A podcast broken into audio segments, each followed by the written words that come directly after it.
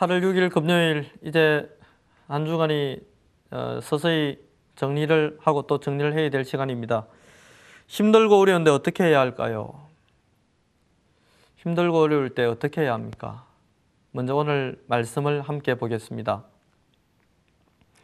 아무것도 염려하지 말고 다만 모든 일에 기도와 간구로 너희 구할 것을 감사함으로 하나님께 아뢰라. 그리하면 모든 지각에 뛰어난 하나님의 평강이 그리스도 예수 안에서 너희 마음과 생각을 지키시리라. 아멘. 예수님께서도 공생애를 시작하시면서 각종 어려움에 시달리고 있는 자들에게 이렇게 말씀하셨습니다. 수고하고 묵은 짐진 자들아 다 내게로 오라 내가 너희를 쉬게 하리라. 어려움을 겪는 사람은 예수님 당대나 지금이나 동일하게 있는 것 같습니다. 그리고 초대교회와 바울도 어려운 사람들 돕는 사역을 했습니다.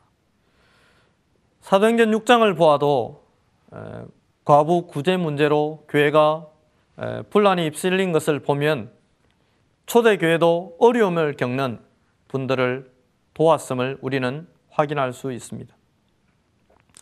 그렇다면 지금 우리는 어떻게 어려움을 겪는 사람들을 도울 수 있을까요? 첫 번째, 세 가지 어려움입니다. 대부분 사람들은 크게 세 가지 문제로 어려움을 호소합니다. 첫 번째는 사람이나 일 때문에 생기는 크고 작은 염려와 마음의 상처들입니다. 이러한 염려는 불신앙이 되어서 결국은 더 큰 어려움을 겪게 됩니다. 둘째는 몸과 마음이 편치 않은 사람이 상상외로 많습니다. 스트레스가 원인이 되어서 대인 관계를 기피하는 사람들이 있고 햇볕을 쬐러 나오지 않는 사람들도 있습니다. 편치 않기 때문에 핑계를 대고 불평을 늘어놓습니다. 몸이 힘든 것은 쉬면 되지만 마음이 힘든 것은 어떻게 할 수 있는 방법이 세상 가운데는 없습니다. 이것이 오랜 기간 방치되다 보면 우울증이란 극단적인 증세가 나타나게 되고 일부의 사람들은 자살이라고 하는 극단적인 선택을 하기도 합니다. 셋째는 무기력입니다. 의외로 지금 현대 현대인들은 무기력한 사람들이 많습니다. 무기력하기 때문에 하는 일마다 실패하게 됩니다.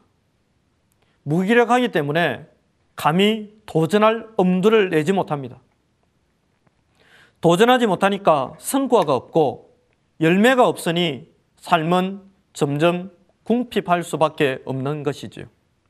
두 번째입니다. 성경의 치유 방법입니다. 성경에서는 오늘 무엇이라고 말씀하고 있습니까? 염려를 맡겨버리라는 것입니다. 기도하라는 것이죠. 기도하면 눈에 보이는 응답이 곧바로 나타나기도 하지만 곧바로 나타나지 않기 때문에 어쩌면 사람들은 기도를 가볍게 생각할 때가 있습니다. 눈에 보이는 기도, 눈에 보이지 않는 기도보다는 눈에 보이는 사람을 직접 찾아가서 그들의 도움을 받는 것이 훨씬 더 빠르게 느껴질 때가 있습니다. 눈에 보이지 않는 하나님께 기도하는 것보다는 눈에 보이는 친구에게 전화하는 것이 훨씬 더 빠른 해결책인 것처럼 저와 여러분을 속이고 우리를 혼돈스럽게 할 때가 있습니다. 하나님은 먼저 우리에게 모든 사람에게 관용을 베풀라고 말씀하고 있습니다. 내가 살고 다른 사람을 살릴 수 있는 관용을 베풀려면 힘이 있어야 합니다. 영적인 힘이 있어야만 다른 사람을 관용한다, 수용한다, 포용한다, 이해한다, 안아드릴 수가 있는 것입니다. 그러면서 감사를 해보가라고 합니다. 아무것도 염려하지 말고 감사함으로. 이 말은 무슨 말입니까? 하나님은 저와 여러분이 당하고 있는 문제를 알고 계십니다. 하나님은 저와 여러분의 문제의 원인을 알고 있고 하나님은 그 문제를 통해서 하나님의 자녀인 우리에게 얼마나 큰 축복을 예배해 놓으셨는지, 하나님은 얼마나 큰 응답을 예배해 놓으셨는지, 하나님은 얼마나 큰 계획이 있는지를 우리에게 알려주기를 원하고 또 알게 하기를 소망하고 있습니다.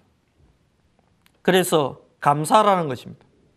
하나님은 크고 비밀한 일을 계획하고 있습니다. 너는 내게 부르짖어라 내가 네게 응답하겠고 네가 알지 못하는 크고 비밀한 일을 네게 보이리라. 그렇습니다. 하나님은 여러분과 제가 겪고 있는 그 문제 이면에 크고 은밀한 일을 이미 계획해 놓고 우리에게 그 문제를 만나고 부딪히도록 해 놓으셨습니다. 그래서 감사라는 것입니다. 왜 그렇습니까? 응답과 함께 크고 은밀한 하나님의 계획이 성취될 것이기 때문입니다.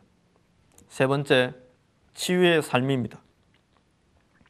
어려울 때 말씀을 붙잡고 기도하면 기쁨이 오고 염려가 생길 때 하나님 앞에 솔직하게 염려를 내려놓을 때 알릴 때 감사와 감격이 회복될 것입니다. 말씀을 읽다 보면 하나님의 숨은 계획을 찾게 될 것이고 믿음의 말씀을 듣다 보면 여러분도 모르는 사이 영적인 힘을 회복하는 은혜가 있을 것입니다. 이렇게 되면 문제 속에 숨겨진 답을 발견하게 됩니다. 답이 나오면 응답으로 연결됩니다. 응답이 오면 증인이 되게 되는 것입니다.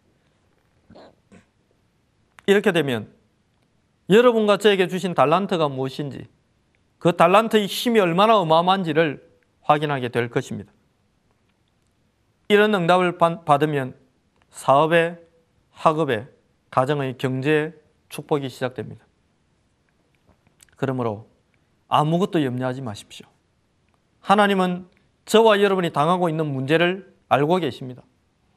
그 문제를 해결할 능력이 저와 여러분이 없는지 모르겠지만 없는 문제가 훨씬 더 많지만 하나님은 그 모든 문제를 해결할 능력을 가지고 계십니다. 지금 그 하나님이 우리 안에 계십니다. 이 말은 하나님이 알고 계시고 해결할 수 있다는 이야기입니다. 그 하나님의 해결책을 말씀을 듣다가 확인하고 확신하고 믿게 되는 참 믿음이 회복되기를 바랍니다. 오늘의 포럼입니다. 내 주변에 어려운 사람이 있나요? 오늘의 말씀 기도 전도 속에서 어려움 속에 있는 전도 대상자를 기록해 보세요. 그리고 그들에게 가장 적합한 방법으로 복음을 전달해 보세요. 하나님의 방법대로 그들을 만나십시오. 그들을 만나기 전에 여러분이 있는 문제 속에 숨겨진 하나님의 계획을 발견하십시오. 그 계획 속에 여러분이 들어가서 하나님이 주시는 큰 힘을 회복하십시오. 그리고 그 하나님이 주시는 능력을 가지고 주변을 살리는 응답의 주역이 되시기 바랍니다. 기도하겠습니다. 우리의 문제 속에 사건 속에 함께 하시며 우리의 일을 이루어 가신 하나님을 찬양합니다. 사랑하는 다락방 가족과 랩런트들이 문제 속에서 하나님의 계획을 찾고 발견함으로 오히려 더 큰 힘을 얻고 더 큰 소망을 회복함으로 현장을 살리는 증인되게 하옵소서. 감사드리며 살아계신 예수님의 이름으로 기도합니다. 아멘.